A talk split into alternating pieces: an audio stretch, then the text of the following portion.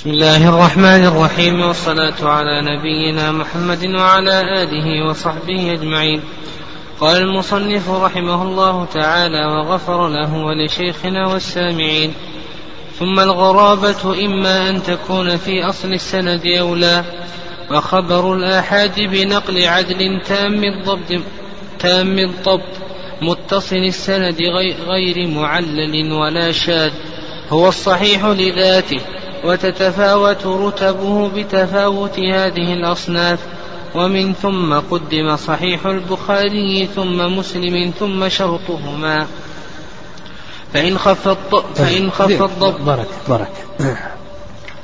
بسم الله الرحمن الرحيم. الحمد لله رب العالمين. والصلاة والسلام على نبينا محمد وعلى آله وصحبه أجمعين. آه، كان من آخر ما تكلمنا عليه فيما يتعلق بالمتواتر والآحاد وذكرنا فيما تقدم تعريف المتواتر وأنه يفيد العلم اليقيني كما ذكر المؤلف رحمه الله تعالى. متواتر أنه يفيد بشروطه. وذكرنا شروط المتواتر أن يكونوا جماعة يستحيل تواطؤهم على الكذب عادة وأن يسندوه إلى أمر محسوس وأن يوجد ذلك في كافة طبقات السند. وهل هذه الجماعة هل لها حد بالنسبة للعدد؟ هذا موضع خلاف. بعض أهل العلم حدها بأربعة وبعضهم بخمسة وبعضهم بعشرة وبعضهم بعشرين وبعضهم بأربعين وبعضهم بسبعين إلى آخره. والصواب في ذلك أنه لا حد. المهم أن تكون جماعة يستحيل تواطؤها على الكذب بلا حد. وكذلك أيضا ما تقدم لنا ما تقدم لنا أيضا تقدم لنا أن خبر أن المتواتر يفيد العلم. والأحاد ذكر المؤلف ماذا؟ ها؟ أنه يفيد العلم بأي شيء؟ بالقرائن. هذا ما ذهب له يعني خبر الأحاد هل يفيد العلم أو لا يفيد العلم؟ وذكرنا رأيين. الرأي الأول أنه يفيد العلم وهذا اللي ذهب إليه ابن حزم. ونصره النووي وأيضا ذهب إليه ابن القيم رحمه الله في الصواعق المرسلة ونصره النووي رحمه الله تعالى. والرأي الثاني أنه لا يفيد العلم والرأي الثالث أنه يرجع في ذلك القرائن. لا بد أن ننبه إلى مسألة وهي أن مذهب أهل السنة والجماعة أن الحديث متى صح فإنه مقبول. يعني هذا التقسيم يعني المتواتر وأحاد ما كان موجودا عند المتقدمين. ويظهر والله أعلم أنها جاءت هذه التقسيمات من أصول بعض الأصوليين بعض أصول الفقه. فمذهب أهل السنة والجماعة أنه متى صح الحديث فإن الأمة يتلقاه بالقبول ويجب العمل به سواء كان ذلك في العمليات أو كان ذلك في العقائد. سواء كان ذلك في العمليات أو كان ذلك في العقائد. هذه لا بد أن نتنبه على هذه المسألة لأن طوائف من أهل الكلام من المبتدعة توصلوا بمثل هذا الكلام إلى ماذا؟ إلى نفي كثير من العقائد. فالواردة في الأحاديث الأحاد. فمثلا يقول لك هذا خبر أحاد والآحاد لا يفيد العلم وإنما يفيد الظن والظن لا يغني من الحق شيئا فلا تثبت به عقيدة. واضح؟ فلابد أن نفهم هذه المسألة وأن مذهب أهل السنة والجماعة أنه متى ثبت الحديث فإنه يثبت به مقتضاه سواء كان ذلك من قبيل العمليات أو كان ذلك من قبيل ها؟ العقائد. لأنه كما ذكرنا بعض المبتدعة توصل بمثل ذلك أو كثير من الكلام والمبتدعة توصلوا بمثل هذا إلى رد كثير من العقائد. فيقول لك هذا خبر أحاد والأحاد لا يفيد العلم وإنما يفيد ماذا؟ الظن. والله عز وجل يقول إن الظن لا يغني من الحق شيئا فلا تثبت به عقيدة. نعم وهذا لا شك أنه باطل. ثم بعد ذلك شرع المؤلف رحمه الله تعالى في الخبر الصحيح يعني خبر الآحاد من حيث آه، القبول والرد ينقسم إلى أقسام وذكر المؤلف رحمه الله تعالى الخبر الصحيح قال وخبر الآحاد بنقل عدل تام الضبط متصل السند غير معلل ولا شاذ هو الصحيح لذاته. فالصحيح لذاته ما جمع هذه الصفات الخمس. يعني الصحيح لذاته ما جمع هذه الصفات الخمس. الصفة الأولى العدالة والعدالة في اللغة الاستقامة. وأما في الاصطلاح فالعدل هو المسلم البالغ العاقل الذي سلم من خوارم الدين والمروءة. العدل من هو العدل؟ هو المسلم البالغ العاقل الذي سلم من خوارم الدين والمروءة. خوارم الدين أن يفعل الواجبات وأن يترك المحرمات. خوارم المروءة المروءة يعني الدين والمروءة. الدين يقولون العدالة دين ومروءة. الدين أن يفعل الواجبات وأن يترك المحرمات. إذا كان يرتكب المحرمات أو يترك الواجبات لم يسلم من خوارم الدين. المروءة هي ملكة تحمل الشخص على أن يفعل ما يجمله ويزينه وأن يترك ما يدنسه ويشينه أن يفعل ما يجمله ويزينه وأن يترك ما يدنسه ويشينه. آه. هذا العدل. وعلى هذا إذا كان عنده فسق. ها؟ هل تقبل روايته؟ ما تقبل روايته. إذا كان عنده بدعة هل تقبل روايته؟ لا تقبل روايته. إذا كان كافرا لا تقبل روايته لا يقبل خبره. إذا كان مجنونا لا يقبل خبره. كذلك أيضا إذا كان صغيرا لا يقبل خبره. أما إن كان كافرا أو مجنونا أو صغيرا فهؤلاء لا يقبل خبرهم لأنه لا يوثق بهم. لكن إذا كان عنده فسق أو عنده بدعة ونحو ذلك. على هذا ذكر المؤلف العدل إلى آخره عليه لا يقبل خبر هؤلاء. ولهذا بعض الأئمة يقول حتى وإن كان عنده فسق الراوي وحتى ولو كان عنده بدعة العبرة بأي شيء؟ بالصدق. العبرة بالصدق. فإن كان صادقا يقبل خبره. حتى وإن كان عنده فسق حتى ولو كان عنده بدعة. العبرة بأي شيء؟ الصدق. واستثنى بعض الأئمة ما إذا كان الداعي إلى بدعته. يعني إذا كان الداعي إلى بدعته فإنه لا يؤخذ عنه. المهم قول المؤلف وخبر الآحاد بنقل عدل. يعني بنقل عدل. قلنا العدل من هو؟ المسلم العاقل البالغ الذي سلم من خوارم الدين والمروءة. أما المسلم والبالغ والعاقل فهذا ظاهر. أن ضد هؤلاء لا تقبل أخبارهم ورواياتهم لأنه لا يوثق بها. لكن بقينا في المسلم المكلف. هل يقبل خبره إذا لم يسلم من خوارم الدين ولم يسلم من خوارم المروءة؟ على هذا الكلام لا يقبل خبره. وقلنا الرأي الثاني أن المدار يدور على ماذا؟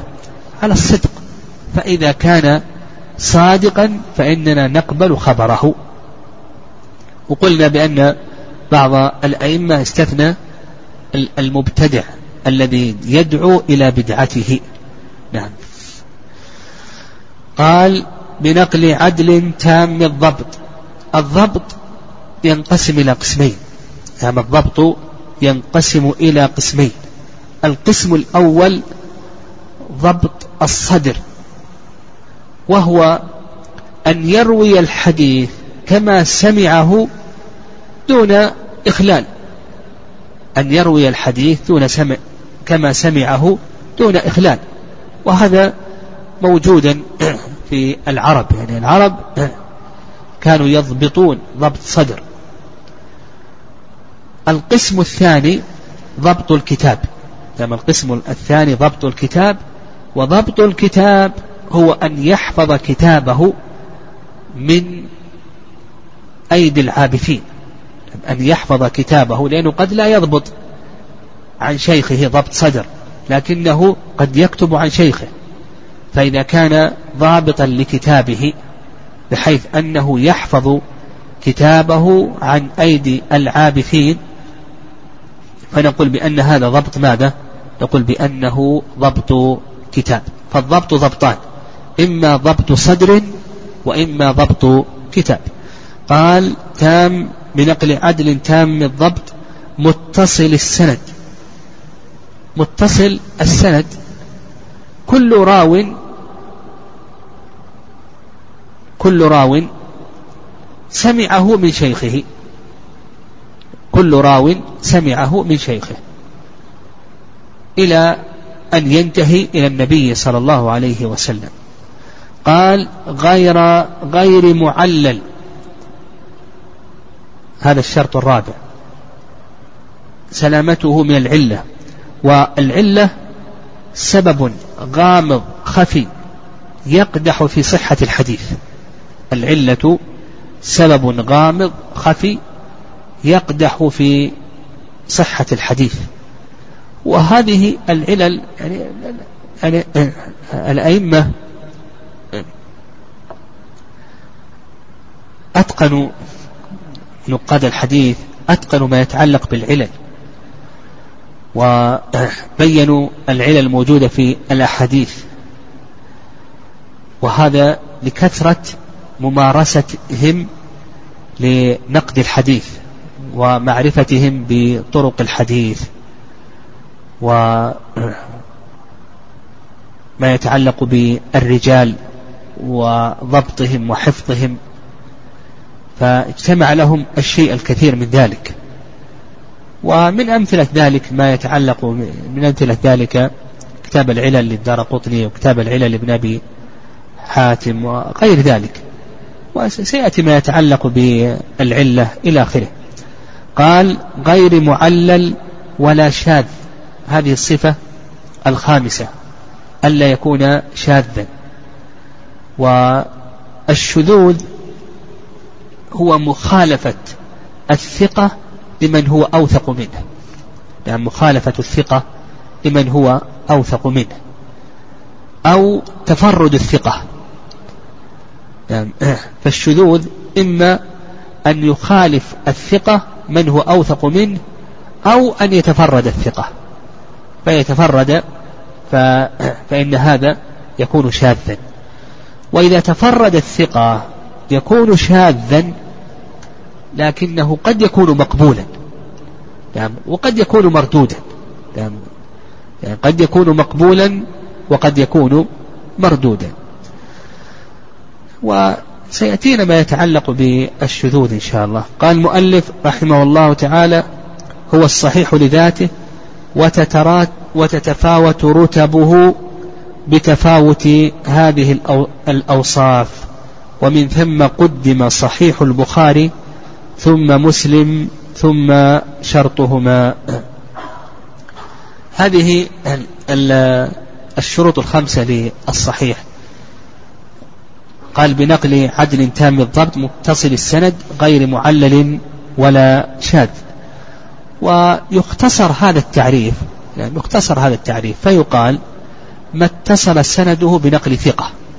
يعني ما اتصل يقال الحديث الصحيح هو الذي اتصل سنده بنقل ثقة.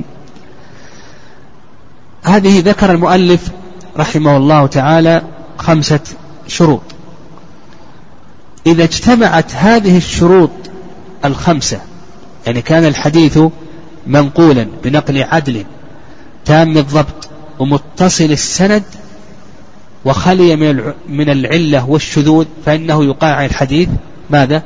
يقال حديث صحيح إذا توفرت الشروط الخمسة نقول عن الحديث بأنه ماذا؟ نقول بأنه حديث صحيح طيب إذا توفرت الشروط الثلاثة نقول إسناده صحيح.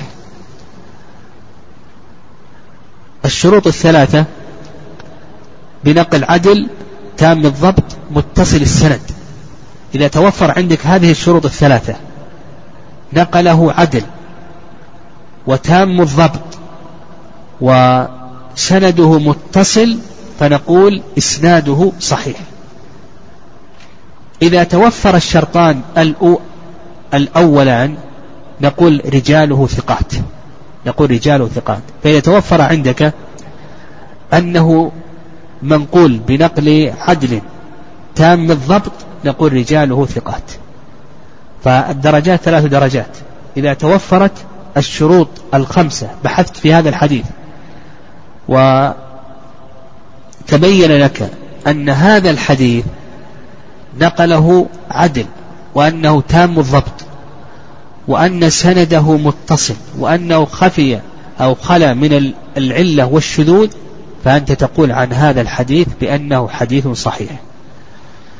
إذا توفرت الشروط الثلاثة الأول أن ينقله عدل تام الضبط متصل السند فتقول بأن إسناده صحيح.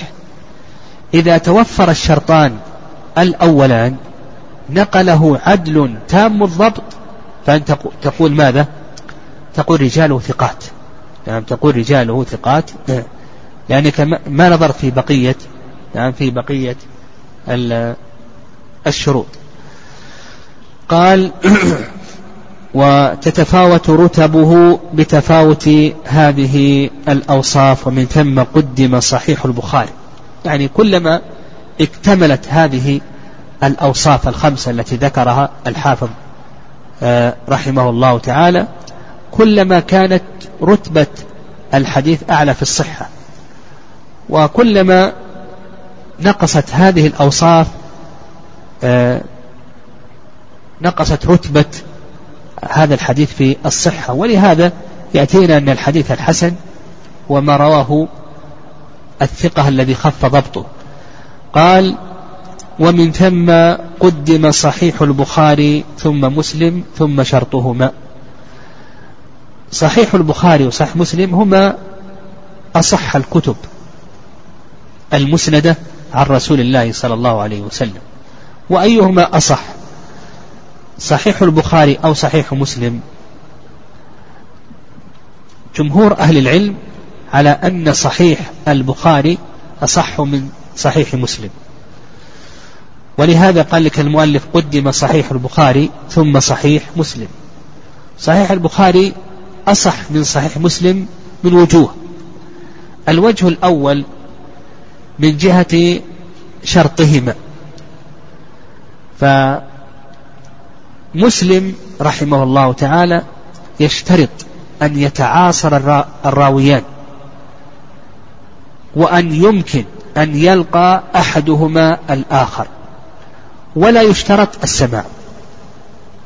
يعني مسلم رحمه الله يشترط أن يتعاصر الراويان وأن يمكن أن يلقى أحدهما أحدهما الآخر ولا يشترط السماع ولو مرة واحدة.